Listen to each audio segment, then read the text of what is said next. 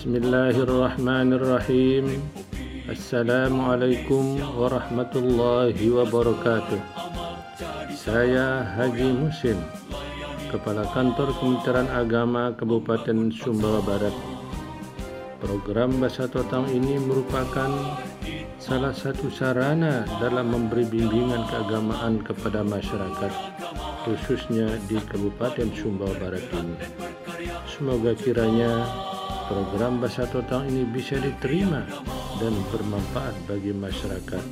Selamat menikmati. Wassalamualaikum warahmatullahi wabarakatuh.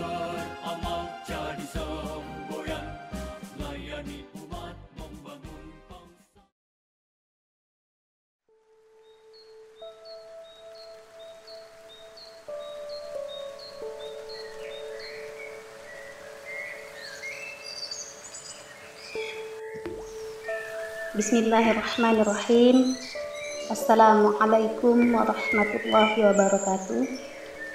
Perkenalkan, saya Marnawati, saya penyuluh agama Islam non PNS pada Kementerian Agama Kabupaten Sumbawa Barat.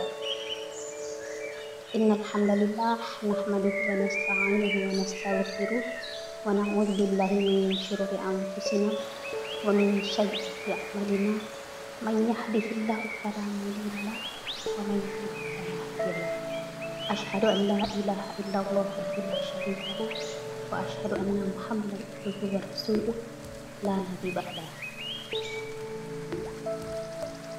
Sahabat yang dirahmati Allah, marilah kita selalu bersyukur atas segala nikmat yang telah Allah karuniakan pada kita.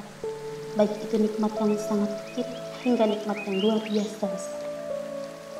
Dari nikmat berupa kemampuan melihat, hingga nikmat berupa kemampuan merasakan kebenaran dengan hati.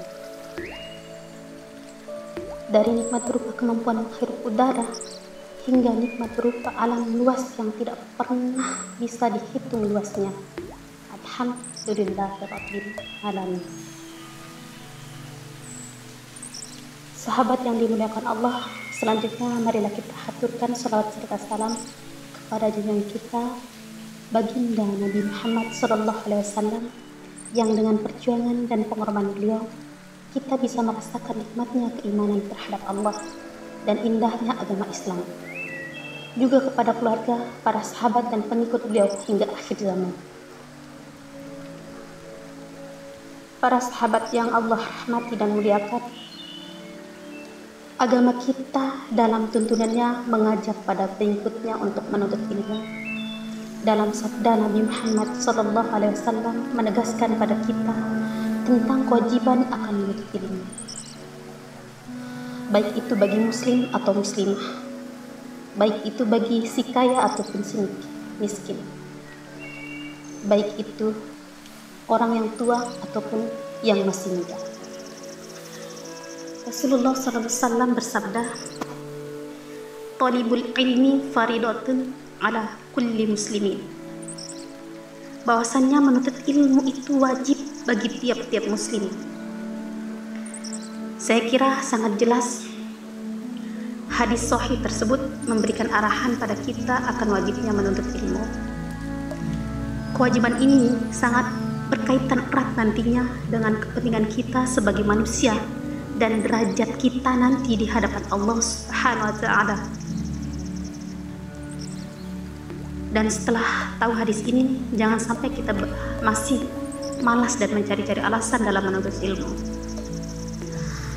Orang yang masih mencari-cari alasan berarti dia adalah seorang pemalas. Dan dalam agama Islam dalam agama kita ini tidak ada tempat bagi pemalas.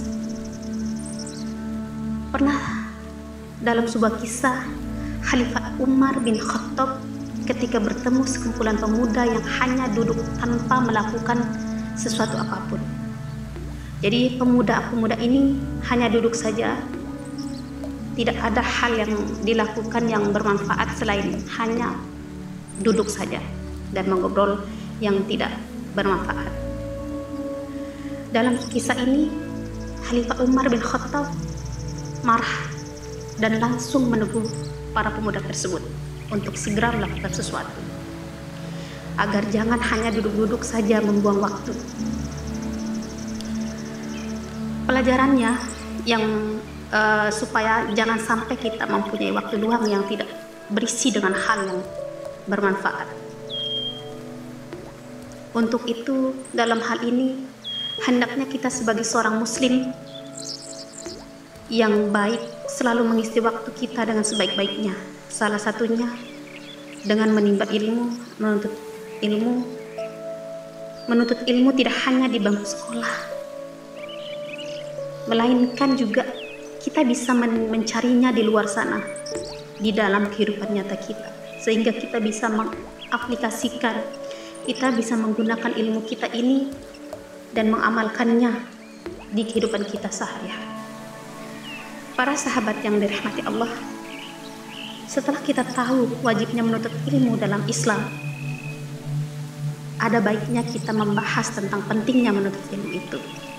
Bahwasanya ilmu secara pasti menjadi pembeda antara orang yang tahu dengan yang tidak tahu dalam hal apa pun itu. Dalam hal apa pun, orang yang tahu selalu lebih selamat dari orang yang tidak tahu. Orang yang cerdas selalu lebih unggul dari orang yang tidak cerdas atau orang yang bodoh penyebab orang uh, lebih unggul ya karena ilmunya tersebut.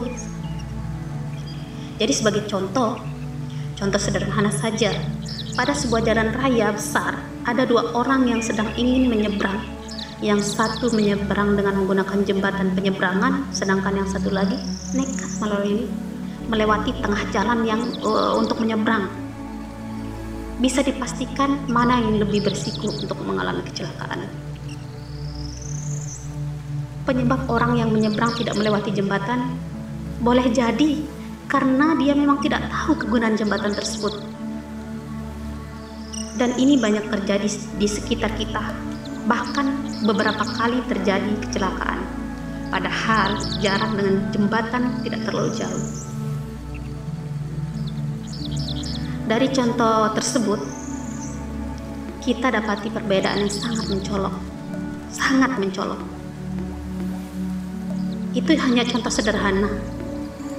Lalu bagaimana jika menyangkut tentang agama, tentang ilmu agama? Pasti jelas sekali perbedaannya. Jelas sekali perbedaan akan sangat terasa. Para sahabat yang dimuliakan Allah, dalam beberapa hadis Rasulullah Shallallahu Alaihi Wasallam memberitahu akan keutamaan orang yang ahli ilmu melebihi orang yang ahli ibadah. Kenapa? Kenapa bisa ter eh, terjadi gitu ya? Kenapa orang yang berilmu bisa melebihi orang yang tidak berilmu?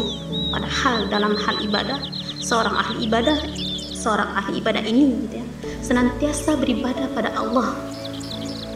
Tentu sangat jelas sekali ini dikarenakan ahli ilmu melakukan sesuatu atas dasar ilmu, sedangkan ahli ibadah hanya fokus pada ibadahnya tanpa mencari tahu tentang manfaat dan kegunaan ibadah itu sendiri. Sehingga orang yang berilmu lebih kuat secara pijakan dan pengetahuan, berbeda dengan ahli ibadah yang hanya beribadah saja. Diriwayatkan juga bahwa setan lebih mudah menjerumuskan ahli ibadah dalam kesesatan dibandingkan ahli ilmu Pemahaman ini menjadi semacam warning bagi kita agar jangan pernah puas akan ilmu yang kita miliki dan terus mengupgrade-nya. Dalam sebuah riwayat dari Ibnu Majah, Rasulullah Shallallahu Alaihi Wasallam bersabda, yang artinya bahwa sesungguhnya engkau pergi untuk mempelajari suatu ayat dari kitab Allah adalah lebih baik daripada engkau melakukan sholat 100 rakaat para sahabat yang dimuliakan Allah jelas sekali dalam hadis tersebut bahwa beribadah dengan memiliki ilmu lebih penting daripada beribadah tanpa berilmu. Ilmu ini di sisi lain juga menjadi pembeda antara kita manusia dengan makhluk lainnya. Sebagai manusia yang berilmu, maka kita akan diangkat derajatnya oleh Allah Subhanahu wa taala seperti yang tertuang dalam Quran surah Al-Mujadilah ayat 11. Ya ayyuhalladzina amanu idza qila lakum tafassahu fil majalisi fafsahu yafsahillahu lakum wa idza qila suzu fansuzu yarfa'illahu alladhina amanu minkum walladzina utul ilma darajat wallahu bima ta'maluna khabir Wahai orang-orang yang beriman, apabila dikatakan kepadamu, berilah kelapangan dalam majelis-majelis, maka lapangkanlah. Niscaya Allah akan memberi kelapangan untukmu. Dan apabila dikatakan, berdirilah kamu, maka berdirilah. Niscaya Allah akan mengangkat derajat orang-orang yang beriman di antaramu dan orang-orang yang berilmu beberapa derajat. Dan Allah maha teliti eh, apa yang kamu kerjakan.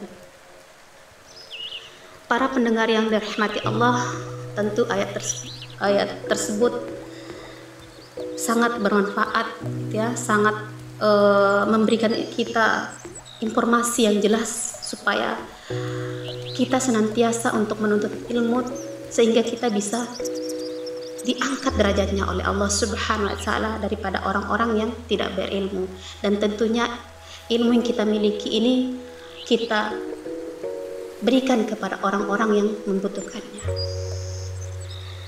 Para pendengar yang dirahmati Allah, demikian tausiah saya pada kesempatan kali ini.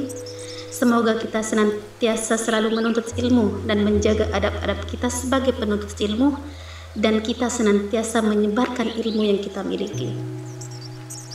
Maka dari itu, kita sebagai seorang muslim sudah sepatutnya untuk tidak pernah berhenti dan selalu sabar dalam belajar dengan harapan kita bisa mendapat derajat yang tinggi di sisi Allah Subhanahu wa taala. Akhirul kalam wabillahi taufik wal hidayah. Wassalamualaikum warahmatullahi wabarakatuh.